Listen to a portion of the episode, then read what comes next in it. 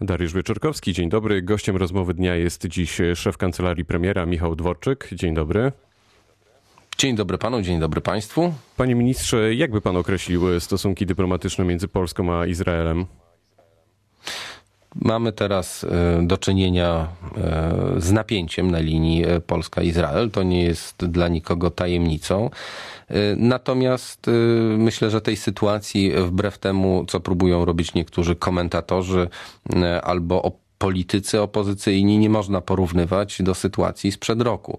E, o ile Polska e, rok temu, e, walcząc o prawdę historyczną, była całkowicie osamotniona, o tyle dzisiaj większość polityków, komentatorów i mówię zarówno o Polsce, ale również naszych partnerach zagranicznych, potępia haniebną wypowiedź ministra spraw zagranicznych Izraela, potępia wykorzystanie wewnętrzne izraelskiej kampanii politycznej e, historii e, i zewsząd słyszymy głosy wsparcia. Nie mówię tu tylko o naszych e, partnerach i sąsiadach z Grupy Wyszehradzkiej, ale mówię również e, o e, krajach Europy Zachodniej, Stanach Zjednoczonych, e, czy nawet organizacjach żydowskich, takich jak Światowy Kongres Żydów, czy Kongres Żydów Amerykańskich. Czy to jest tak, jak pan powiedział wczoraj w wywiadzie z Robertem Mazurkiem, że tu cytat, jesteśmy bardzo ważnym, jeśli nie jednym z najważniejszych partnerów Izraela w Europie.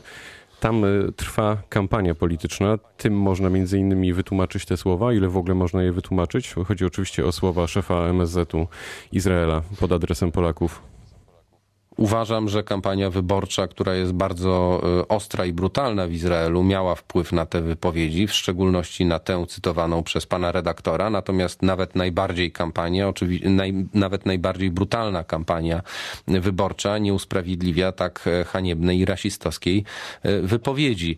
Mm, to, co trzeba zaznaczyć, że ten, tę, tę wypowiedź krytykują w tej chwili już nawet politycy izraelscy E, koledzy z rządu, e, ministra e, spraw zagranicznych wczoraj krytycznie również odnieśli się do, do tego sformułowania. To już kończąc wątek międzynarodowy, w takim razie szczyt bliskowschodni w Polsce możemy uznać za sukces? To są dwie różne kwestie, warto to podkreślić. To prawda, ale z jednej strony mówimy o jeden, w związku z tym też stąd moje pytanie do pana takich uproszczeń, takich uproszczeń uważam, że nie powinniśmy i takich zbitek nie powinniśmy zrobić. Czym innym jest dzisiejsze napięcie między Polską a Izraelem, które jestem przekonany po zakończeniu kampanii e, wyborczej, a może nawet e, szybciej e, opadnie i te relacje będą nadal dobre i będą się dobrze rozwijały. Mamy szereg projektów i gospodarczych, i kulturalnych, i społecznych, więc ja jestem dobrej myśli. Natomiast jeśli chodzi o szczyt bliskowschodni, uważam, że to było ważne wydarzenie. Polska razem razem ze Stanami Zjednoczonymi stworzyła forum, platformę e, do spotkania e, przedstawicieli blisko 60 e, krajów z całego świata i po raz pierwszy od chyba 28 lat usiedli obok siebie ważni politycy, przedstawiciele krajów arabskich i Izraela, żeby rozmawiać o problemach regionu. Regionu, który jest istotny w polityce światowej. Jeśli ktoś twierdzi, że z punktu widzenia Polski czy Europy Środkowo-Wschodniej jest nieistotny, no to namawiam, żeby się zastanowił, jak sytuacja na Środkowym Wschodzie e, ma e, wpływ, jaki ma wpływ na problemy migracyjne w Europie. W związku z tym te sprawy, które były omawiane w Warszawie w zeszłym tygodniu, bardzo realnie też przekładają się na e, sytuację związaną z polityką migracyjną, z migracjami w Europie. Czego możemy się spodziewać po konwencji Prawa i Sprawiedliwości w najbliższy weekend? Zbliża się kampania mm, e, mm, europejska, zbliżają się wybory do Europarlamentu, więc e, Prawo i Sprawiedliwość przygotowało e, konwencję, na której de facto podsumujemy ostatnie 3,5 roku, w których realizowaliśmy obietnice złożone w kampanii 2015 roku oraz przedstawimy nowe e, propozycje programowe e, dla Polaków, e, które będzie realizował w kolejnych miesiącach rząd. Myślę, że te pomysły spotkają się z zainteresowaniem Polaków i myślę, że też staną się one w rozpoczynającej się już niebawem kampanii przedmiotem przedmiotem dyskusji, bo to, na czym chcielibyśmy się skupić, przygotowując do wyborów europarlamentarnych, to merytoryczna dyskusja. Mamy nadzieję, że będziemy rozmawiać o programach, o pomysłach i rozwiązaniach korzystnych dla Polaków, tak żeby podnosił się poziom życia każdej polskiej rodziny, a nie skupimy się właśnie na awanturach politycznych, które w ostatnich latach z taką determinacją wszczynała opozycja. E, panie ministrze, a to nie jest tak, że ta kampania już e, wyborcza trwa, bo premier Mateusz Morawiecki ponownie e, wyruszył w Polskę, by promować piątkę Morawieckiego. To jak to jest? premier nie wyruszył w Polskę, żeby w ramach kampanii europejskiej cokolwiek zrobić. Premier dokonał jednodniowego przeglądu obietnic, które 300 dni wcześniej e, złożył, mówiąc o tym, że zostanie obniżony CIT, że zostanie wprowadzony mały ZUS, że e, dzieci otrzymają wyprawkę szkolną, że rozpocznie, że stworzymy fundusz dróg samorządowych.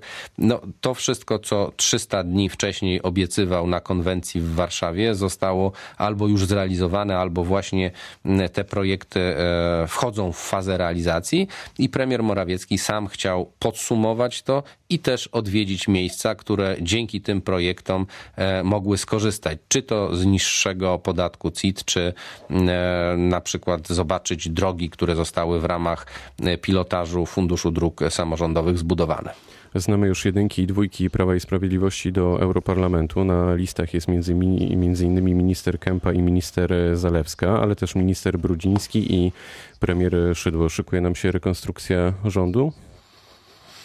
Oczywiście musimy pamiętać, że ostateczną decyzję o tym, kto będzie reprezentował e, Polskę w Europarlamencie, kto będzie zabiegał e, o sprawy polskie w Europarlamencie, to tę decyzję podejmą wyborcy w dniu e, wyborów. Natomiast rzeczywiście wysokie miejsca znanych polityków Prawa i Sprawiedliwości zapewniają z jednej strony dobre merytoryczne przygotowanie tych osób, które startują w wyborach, a z drugiej strony odpowiedni ciężar polityczny i doświadczenie doświadczenie polityczne powodują, że mm, te listy mają szansę e, zdobyć e, dużo głosów. E, ja jestem przekonany, że spotkają się z dużym uznaniem wyborców te wszystkie nazwiska, które pan wymienił, a jeżeli oczywiście ci ministrowie trafiliby do Brukseli, wtedy trzeba będzie powołać przynajmniej na część tych stanowisk nowych no ministrów. No właśnie, kto ich zastąpi? Czy na przykład nowym ministrem edukacji będzie Mirosława Stachowiek-Różecka?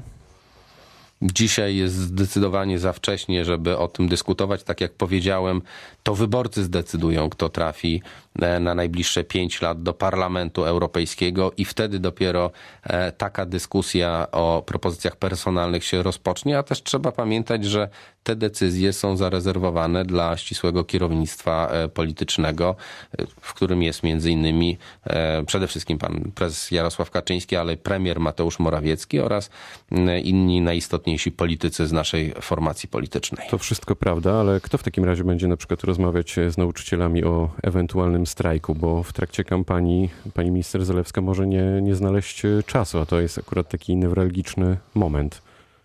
Nie wyobrażam sobie, żeby pani minister Zalewska e, nie znalazła czasu na tak e, istotne rozmowy, znając e, energię, aktywność i determinację pani minister, żeby realizować postawione sobie cele. Jestem przekonany, że będzie skupiona w pierwszym rzędzie na sprawach związanych z Ministerstwem Edukacji Narodowej, z oświatą, na zamknięciu czy rozwiązaniu problemów, z którymi przychodzą nauczyciele i związkowcy. No a kampanie, e, kampania będzie się toczyła niejako równolegle. Czy Paweł Kukis dołączy do Zjednoczonej Prawicy?